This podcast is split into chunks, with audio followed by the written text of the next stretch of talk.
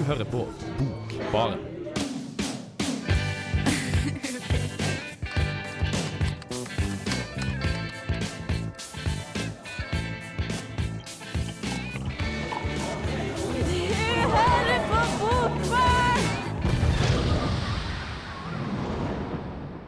Hei, hei, og eh, velkommen til Bokbaren. I dag har vi en Jeg har lyst til å kalle deg gjest, Vetle, for du er så sjelden disse enig, dager. enig i det. Nei, slutt da. Jeg, jo, jeg har vært med mye lenger enn dere, da. Ja, du er jo faen meg aldri. Ja, men det spørs om det her faktisk er siste sendinga mi før jeg slutter helt, da. What? Før jeg virkelig blir ikke si frekk, da må ikke vi si så frekke ting Nei. hos Vetle sin siste Vi elsker deg, Vetle. Bare glem alt det vi sa. eh, og da passer faktisk eh, forfattervalget ganske bra til denne eh, Kan jeg bare si en ting først om den introlåta? Jeg satt og hørte på David Bowie-albumet Low i går. Og tror dere faen ikke plutselig kom den her låta, den der introlåta til Bokbarn? Jeg, Nei. vis- jeg visste ikke engang at det var det David Bowie? Ja, ja, jeg visste ikke jeg heller. Mm. Er ikke Det var introen vi alltid har hatt? Jo, jo, men jeg hadde ikke visst ikke at det var en Bowie-låt, så jeg fikk så sjokk når jeg ja. Vi, den er jo, ok, Da ble den plutselig litt kulere enn det han var før. Uansett, Ja. uansett nok med digresjoner, folkens. Vetle skal tydeligvis slutte. Og hvis det er en fyr som er veldig flink med sånn triste, litt sånn tragiske greier, så er det Tarjei Vesaas, Mm. som vi skal snakke om i dag. Um, vi har alle lest Fuglane. Fuglene. Hans mest folkekjære roman. En liten flis av en bok. Ja, det er jo kanskje to romaner som har i hovedsak har blitt stående altså Han har et svært forfatterskap der mye er kjent, men altså de to som er best kjent, det er jo kanskje dem vi skal snakke om i dag, som er 'Fuglene' og 'Isslottet', som du har med, Jonas. Ja, Isslottet vant jo Han vant jo Nordisk råds litteraturpris for den. Gjorde han det, ja? Ja, Og han brukte de pengene til å dele ut Harry Vesaas debutantpris. Det er en sjukt fin ting å gjøre. Ja, Altså, det, altså- det er jo et helt hvor de tar pengene fra, om det er på en måte noen slags inntekter fra bøkene hans, eller hva det er, men det, det finnes jo ennå, den debutantprisen. Men han var, han var, han var liksom Han var en sånn type. da Ja. Ut ifra det jeg leser, var han veldig sånn gavmild og vennlig. Og eh, Jeg har en venninne som sa at han han er typen som var en gammel mann hele, hele livet sitt. på en måte Han satt bare og tenkte. Ja, det er akkurat samme inntrykk jeg har. jeg har lest om at han var, hadde helt plettfri på en måte Hva skal man si? Plett, plettfritt bilde av henne. At han var veldig redelig og grei. Altså, Hvis han hadde vært katolikk, så hadde han blitt Altså Han hadde blitt en helgen, jeg lover det. Kanonisert, det. Han, hadde- han hadde blitt Han er så Han er så fantastisk sånn Det han skriver om, er ganske jævlig. Jeg skjønner hvordan han greide å være fantastisk når han hadde så mye jævlig å skrive om, egentlig. Men det er Mm. fremdeles mye av det han skriver om, er mørkt og fint samtidig. Ja, det er det. Um, så han har, han har en arv her i verden, på en måte. Ja, også Vesaas, ja, ja. Det har han jo en litterær arv. Så, ja, både i overført betydning og med den konkrete prisen. Vi skal snakke mer om denne, denne gamle mannen og hans triste bøker etter en låt. Dette er 'Accordion' av Mad Villain.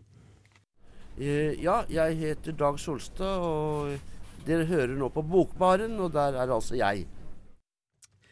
Så Tarjei Vesaas Jeg tror ikke han blir lest så mye i dag, egentlig. Jeg leste han iallfall ikke før Jeg hadde ikke hørt om han, egentlig.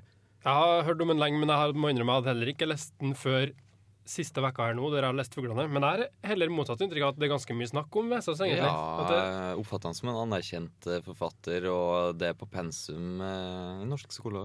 Så jeg tror de fleste Ja. har kjennskap til han. det er noen jeg har snakka med i løpet av, eller i forbindelse med at vi skal snakke om boka i kveld, da, som har sagt eh, det, at de har lest den på videregående, eller hatt snakk om den på videregående og sånt. da. Så tror jeg at på, fra den perioden der, da, fra liksom etterkrigstida, så har du noen få store, store norske romanforfattere. Ja, han, Agnar Mykle ja, Mykle, Dag Solstad, han er, han er i godt Bjørne, selskap. Bjørneboe, Johan Borgen og da Tarjei Vesaas. Sånn, ja, han er jo en av de store fra etterkrigstida, vil jeg si. Ja, og eh, Men jeg, jeg vet ikke om han skiller seg litt ut Jeg syns iallfall han skiller seg litt ut ifra det, for han er ikke veldig Han er ikke veldig moderne i temaene sine, da. Synes jeg. Han skriver mye om Han var jo sånn Han skulle egentlig bli bonde.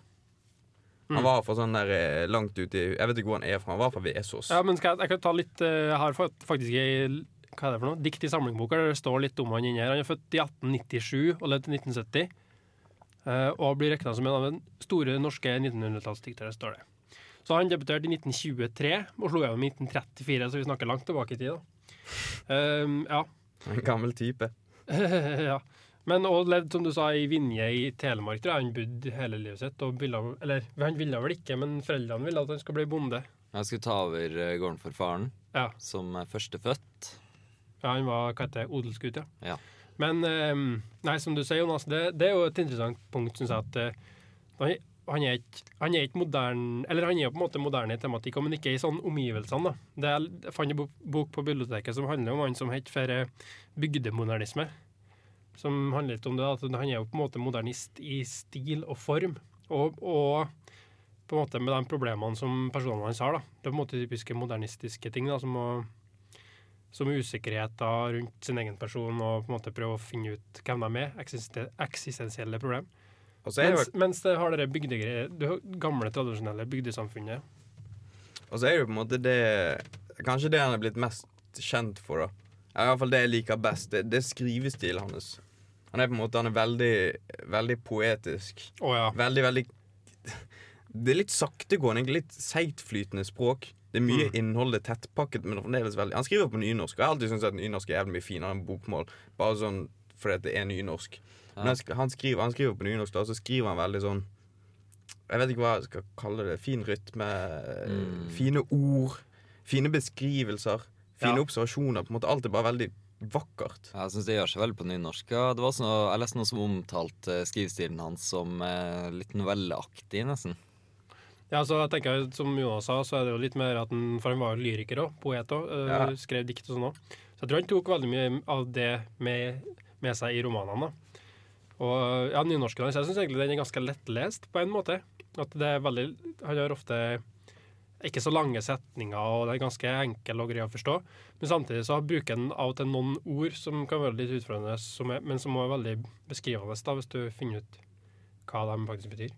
Ja, altså det, er litt- det var, Han ble stor veldig raskt. Ja, Han publiserte hva var det, to bøker før han fikk sånn eh, forfatterstipend. ja stemmer det. Og da bare beilet han fra Norge. Han stang, han digget eh, Tyskland Så klart. helt, helt fram til altså modernismens eh, Ja, hjemland, nesten. Helt fram til Helt fram til de eh, kjempet og tapte to verdenskriger. Da mistet han litt troen på de. Ja, Men var ikke, et, var ikke etter andre verdenskrig han fikk det stipendet? Mm. Var det det? Ja, jeg tror det var 1947 eller et eller annet sånt der. Kødder du?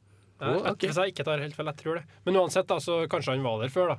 At han reiste dit før. Det vet jeg jo ikke. Ja, men så fikk han på en måte det Tingen er at han fikk mye heder og ære, men han, han var en veldig privat person. Ja. Har dere hørt om Grotten?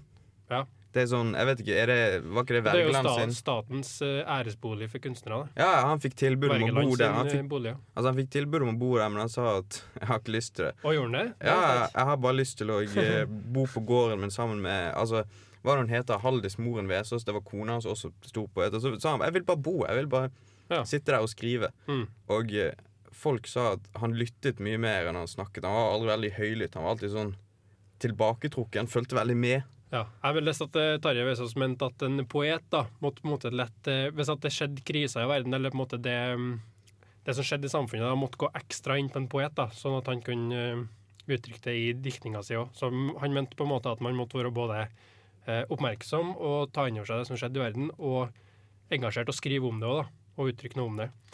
Og eh, jeg leste at første verdenskrig annet, gjorde voldsomt inntrykk på han, for da var han bare 17 år. da.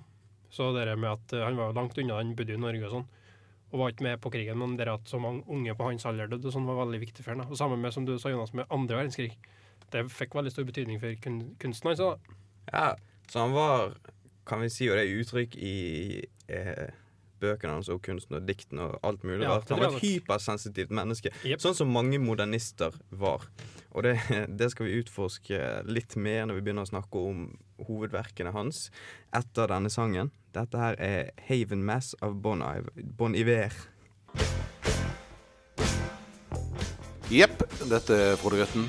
Eh, lytt på Bokbaren på Radio Revolt. Ta deg en eh, god Den mest anerkjente tilbakestående hovedpersonen i norsk litteratur må være Mattis fra Fuglene. Det tror jeg kanskje du har rett i. Jeg lov til å kalle han tilbakestående. Jeg tenkte å se si, hvis du, har Ja. hvis du, altså, du har lov, men om, om du vil det.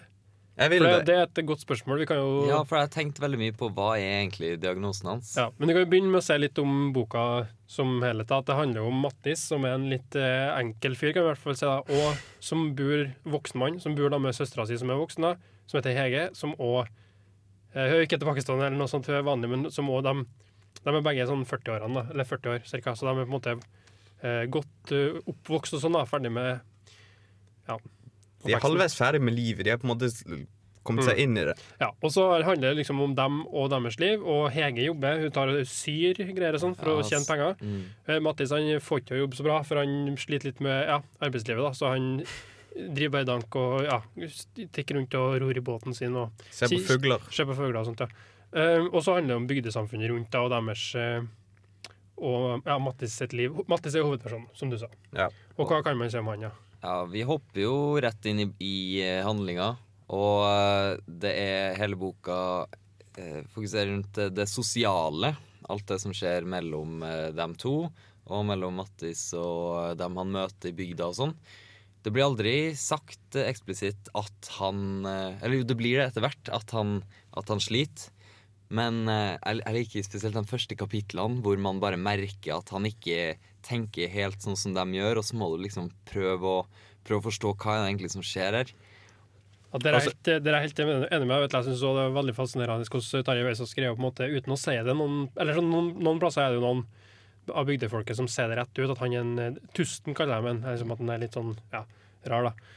Men eh, det, det er som du sier, at han mellom linjene så ligger det Jeg tenker sånn mellom replikkvekslingene mellom eh, Mattis og Hege, da, så ligger det mye av styrkeforholdet. liksom At hun hele tida må på en måte berolige han og prøve å få han på rett spor, sånn så han ikke blir så stressa, for han skjønner ingenting og sånn. Og så, så jeg må huske, altså det som er Hun Hege hun begynner egentlig Hun er litt sånn Jeg føler at hun er litt pissed, egentlig, på, på han her Mattis. For at hun, har, hun har jo tatt vare på han i flere år. Ja, tenk Og hun blir litt sånn på kant noen ganger når han utagerer eller er litt dum eller er litt enkel eller Mm. hva det Ja, er. det er jo veldig naturlig. Det går skikkelig på bekostning på hennes liv. da. Hun, Ja. hun kan jo ikke få seg en mann nesten engang, fordi eh, hvem skal passe på han da? Men det er på en måte det, det er hovedkonflikten i boken. Det er sånn, Du føler deg skikkelig sympatisk overfor Mattis, for Jesus han er tilbakestående, stakkars fyr. Men så føler du deg sympatisk overfor Hege også, for hun må ta vare på han. Hun fortjener ikke det. Ingen av de fortjener det på en måte det de kom til opp i. da Jeg er enig i at det er på en måte hovedkonflikten i boka. Og det er jo på en måte det som er så godt nyansert, da, som du sier, Jonas, at eh, man ser begge sidene.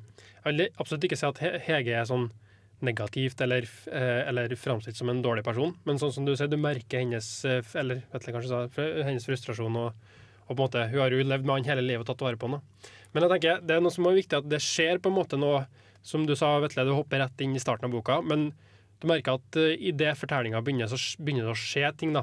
At på en måte um, Mattis blir, blir bevisst på seg sjøl, og at han uh, er en byrde for hun. Det er jo kanskje det som skjer. da. At Ja. hun, Han ser at hun begynner å få grått hår. Ja. Så tenker han oi, det er meg hun bør deg på unna. Også, så Så han, han begynner å få skyldfølelse. han begynner å få skyldfølelse. Ja. Han går jo helt til å reflektere over at han er en byrde for henne, at han ikke er tilstrekkelig. Han er jo fullt klar over at han er annerledes. Ja, det er han.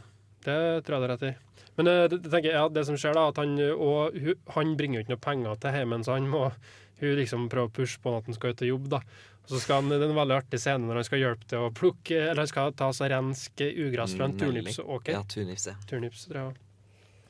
Og så han bare øh, Ja. Han sliter litt med å, å gjøre praktisk arbeid, da, for tankene hans hoper seg opp øh, for for han. måtte tenker helt på helt andre ting. og øh, Jeg greier ikke å gjøre praktisk øh, arbeid. da. Jeg husker denne scenen. Det er lenge siden jeg har lest boken. Men jeg husker Han, han prøvde å finne What? jobb, ikke sant?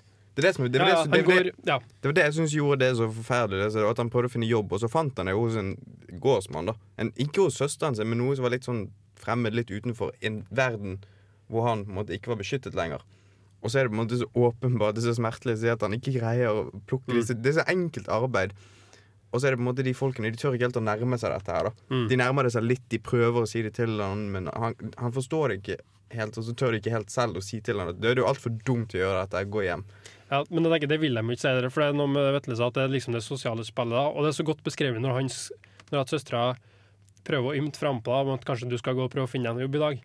Så det er så godt beskrevet hva han føler da, liksom det med at å nei, for han har prøvd det før og gått rundt i bygda og leta jobb og sånn. Og så vet han at alle vet hvordan han er, at han er litt annerledes. Så når han går rundt, da, så vet han jo at hvordan blikk som møter han, og han vet hvordan eh, reaksjon han vil få, da, hvordan alt ser han. Han er jo veldig opptatt av hvordan han blir sett, og han legger skikkelig godt merke til eh, sånn hvordan dem eh, han møter på, veksler blikk og sånne små kommentarer. Ja, han har så veldig god hørsel, skryter han av selv. Så han, når han går, så hører han at de liksom baksnakker han litt. Og, og alle de tingene går veldig inn på han. Ja.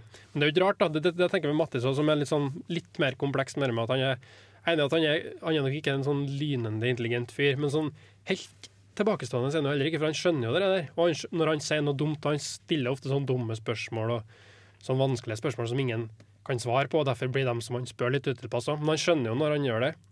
Så han har litt sånn antenner for um, Eller så veldig gode sosiale antenner har han ikke, men sånn, han, har, han skjønner jo en del, da. Av, Han så, sånn som du sier, det at folk snakker om han, hva de syns om han og sånn. Så han er ikke helt dum det der. Men så har han, har han, problem. så har han denne, denne drømmen sin, da. Drømmen om å bli fergemann, er det det?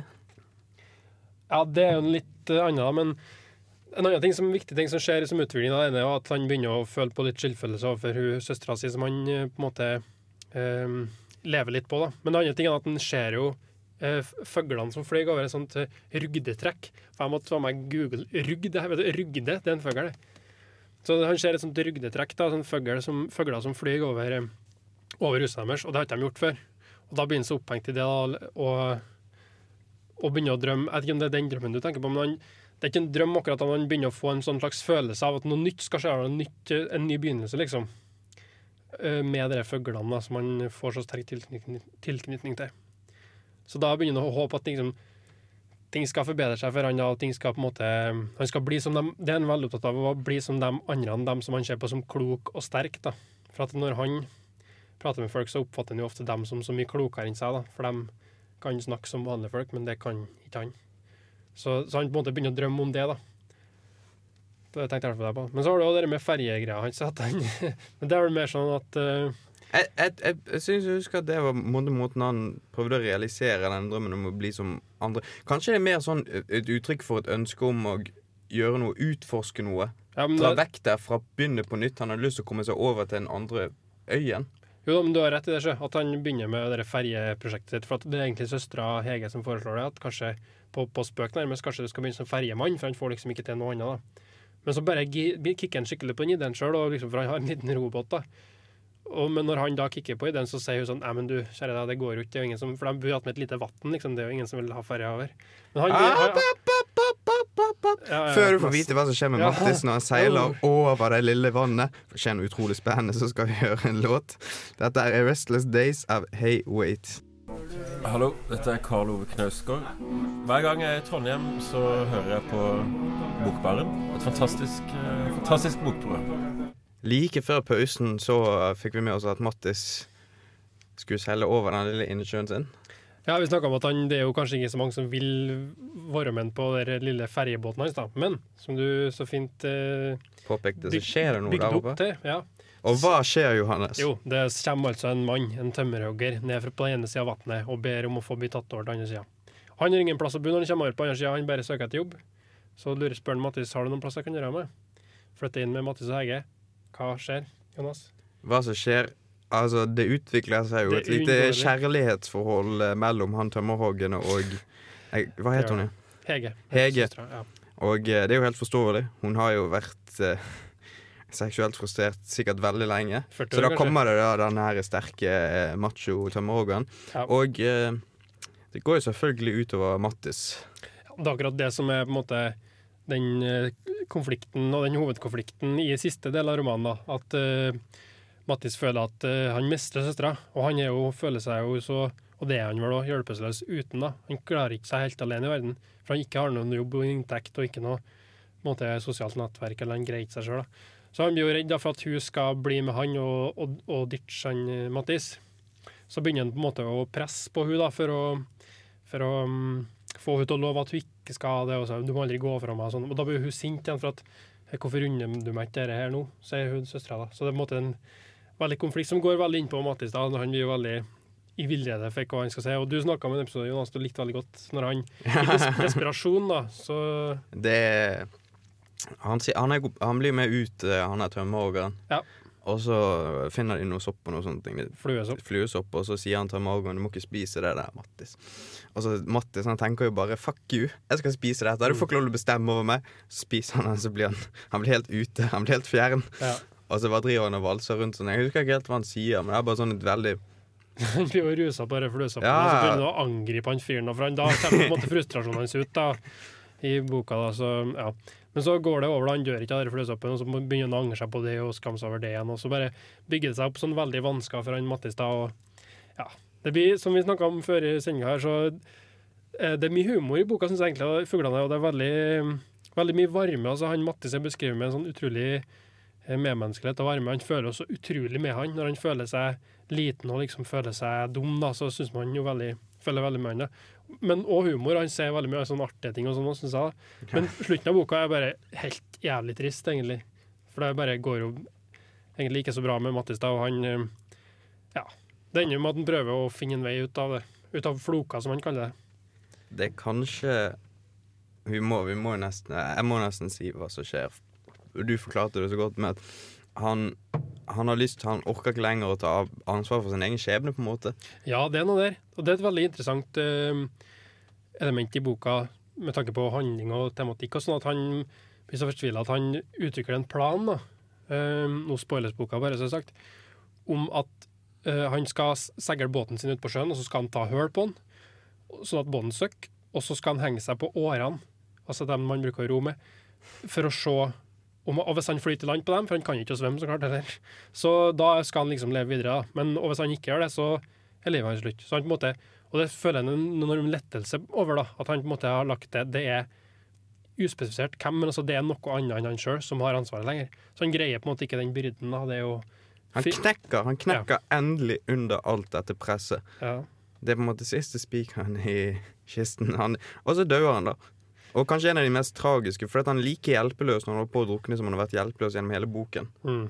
Det, Så boka slutter med at når han, båten nettopp har søkket, og han henger på årene der, og så og, og når han gjorde det, da, han bestemte seg for at han skulle gjøre det når det var helt vindstilt, så at han hadde en sjanse til å komme seg i land. Men det, akkurat når han, båten har søkket, så begynner det å blåse. Og så begynner det å få ta inn vann og søla, og da på en måte, det slutter boka. da. Så det går antageligvis ikke så bra med han, nei. Nei, og eh, det som er Uansett hvor tragisk denne boken er, så, så er det veldig mye eh, te- har jo blitt eh, internasjonalt anerkjent. Mm. Langt mer enn noen andre. For jeg tror det har noe med at han er veldig sånn Han er veldig universell i problemene han tar opp. Det er veldig, veldig veldig menneskelig, alt det som skjer. Selv om du ikke, kanskje du ikke bor på bygdene, kanskje du ikke er tilbakestående, men kanskje du ikke har en søster som eh, ditcher deg for en tømmerhugger. Men det er mye sånn de konfliktene og de Ja. problemene og de følelsene han tar opp, er veldig noe du nesten ser deg nødt til å kjenne igjen i, i løpet av Iallfall i løpet av i løpet av en liten stund her Ja, i livet. ja. Jeg er helt enig med deg, og, jeg leste om at mottakelsen av boka den kom ut på Den kom ut i 57, Da. Da var det en del anmeld- anmeldere som syns, da, som skrev at, sånn som vi snakka om, at han var liksom mentalt tilbakestående og åndssvak. Da tok han Terje Vesaas og skrev det eh, i noen avisartikkel, et eller sånt, at uh, det var han ikke helt enig i, da.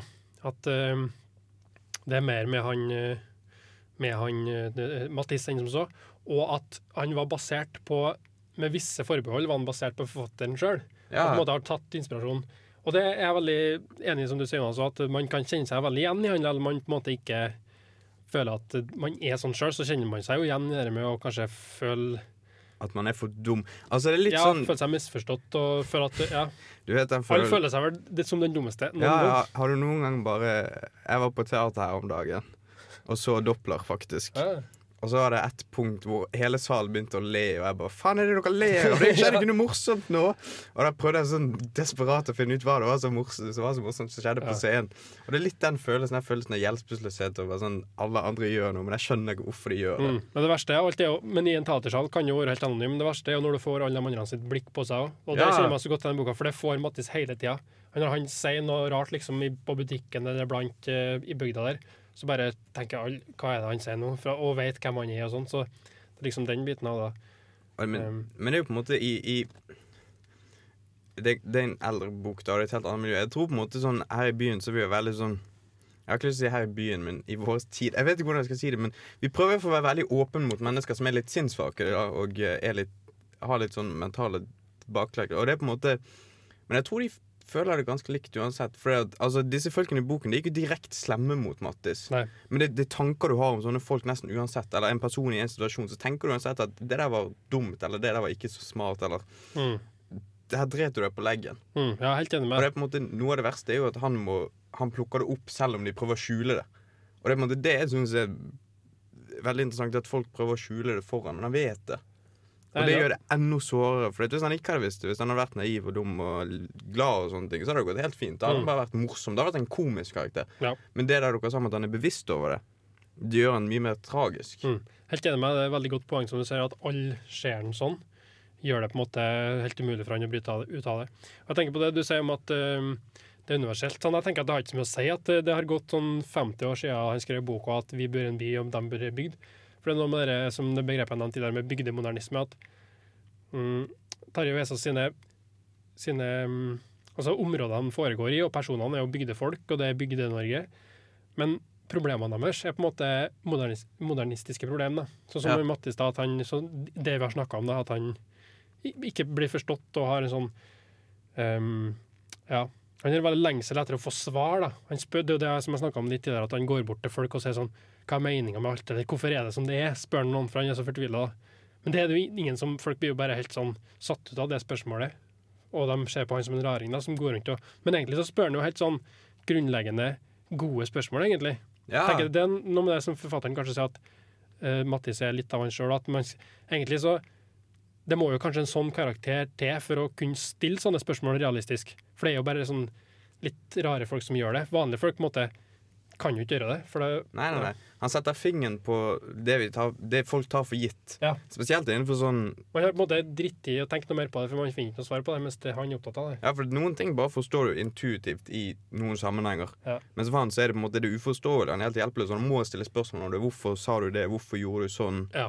Hvorfor skjedde det? Ja. Og så tenker jeg Jeg tror egentlig de fleste da ville tenkt hvis noen hadde stilt spørsmål sånn Hvorfor spiser du maten din sånn, eller hvorfor bruker du de ordene, eller hvorfor ser du sånn på den personen? Så ville de sagt drit i det, og så ledder de, for de hadde ikke greid å Mm. svare på det. Ja, men så tenker jeg sånn, det er jo ting man ofte stiller seg sjøl. Liksom, hva mente den personen der med det hun sa nå?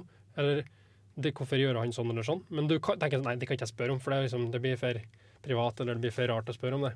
Så der er den problematikken med at det er liksom vanlige, moderne problemene problemer han tar opp. da. Og eh, hvordan vi på en måte forholder oss til det private og nære livet vårt, det skal vi ta opp i etter denne låten her i en enda en kjent bok av eh, Vesaas.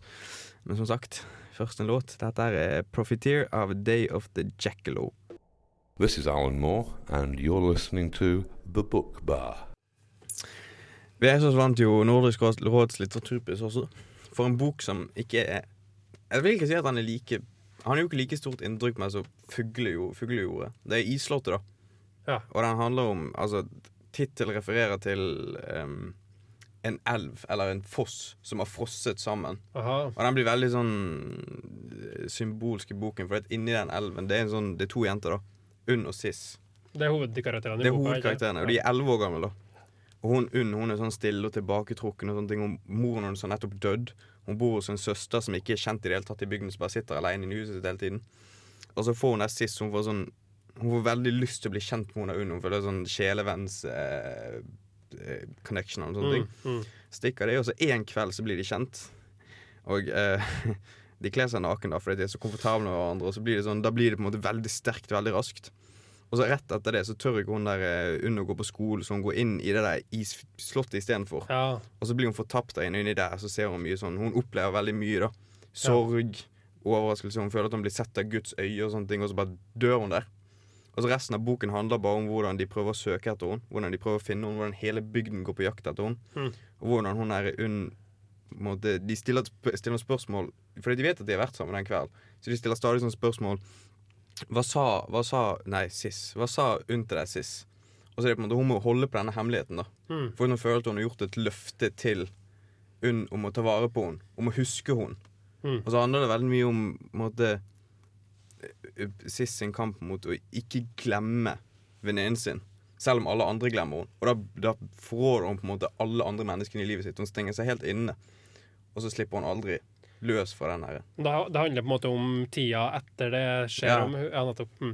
Syns du at det er noe sånn, i sånn, litt sånn stil og språk og Er det noe du kjenner igjen fra den fuglene? Liksom, at du tenker at det er litt likhet, eller er det veldig forskjellig bok? Det er, en, det er en ganske forskjellig bok. Den er ikke um, Jeg vet ikke om det er sånn i fuglene, men noen ganger så bare bryter han ut i dikt, nesten. Ja, Som det er interessant. Og som at eh, noen av kapitlene de kan bare være sånn ett avsnitt med ett dikt, for eksempel. Eller det kan være ett avsnitt som er veldig, veldig eh, lyrisk i seg. Det er veldig interessant, for at uh, fuglene som vi snakka om i stad, det er jo ikke sånn at det er dikt inn i boka der, men den har, den har noen sånne der, eh, tanker noen ganger som Mattis tenker, som er litt sånn uh, poetisk. da. At han Ja. plutselig tenker sånn uh, um, Plutselig så tenker han for om Det åpner jo fuglene med. At han tenker at uh, søstera du er som et lyn, sier han da. Og sånn type ting. Sånne der, språklige bilder har han hele tida. Han har veldig mange av det òg, så det er litt sånn at eh, Jeg tenker i hvert fall at eh, Vesaas tar det lyriske, poetiske språket inn i romanene sine òg. Og på en måte Der ligger det ganske åpent. da. Det er ikke sånn at man kan tolke det, sånn som jeg ser det i hvert fall, kan tolke de eh, lyriske bildene i romanene som på en måte bestemt, men det bidrar til å gi mer dybde i fortellinga. Det gir, det gir noe Og jeg tror hovedessensen Altså, den, den boken her handler om en person som på en måte blir født utenfor fellesskapet. Ja. Jeg tror Islåtter handler mer om en person som selv velger å trekke seg vekk fra fellesskap fordi de føler det er noe så viktigere. For Hun er sist, hun har vært veldig populær. En leder i jentegjengen sin, veldig akseptert og sånne ting. Og så trekker hun seg helt tilbake. Hun har ikke lyst til å ta en del i fellesskapet. Men hun, hun blir på en måte Hun velvillig isolerer seg. Ja. For hun syns det er viktigere. Og så handler det veldig mye om hvordan folk prøver å dra henne ut, og hvordan hun selv tenker over dette. her Veldig poetisk. Tankene hennes er veldig poetisk. Hun sier ikke så mye lyrisk og poetisk, og sånne ting men hun tenker veldig fint. Mm. Tenker mye over sånn symbolsk på dette isfjellet, da, hvordan det er å få ta på seg inne. Hva skjer når det raser sammen? Ja. Hva skjer om minnet forsvinner? Det er veldig godt poeng som du sa, som vi ikke snakka så mye om i fuglene, men det med fellesskap. da. Det å stå at i fuglene, som du sa, så er på en måte de eh, er knytta til hverandre, enten de vil eller ikke. Mens ofte handler fortellinga om å stå utenfor fellesskapet. Og det gjør jo Mattis i fuglene på et vis, men samtidig så handler det om fellesskapet mellom dem. da. Som på en måte er Det kan, det kan være tungt, det òg. Fellesskapet mellom to. Ja, ikke sant. Og eh, ja, Jeg ser at du peker. Um, jeg må bare si at uh, hun, hun, hun finner veldig mye ut, veldig mye viktig ut i ensomheten. da Mm. Når hun snakker spesielt med søsteren til hun der uh, Unn, som også er ensom. Eh, men nå skal vi høre en bokbaren favoritt eh, av en låt. Dette er 'Pretty Pimpin' av Kurt Wilde.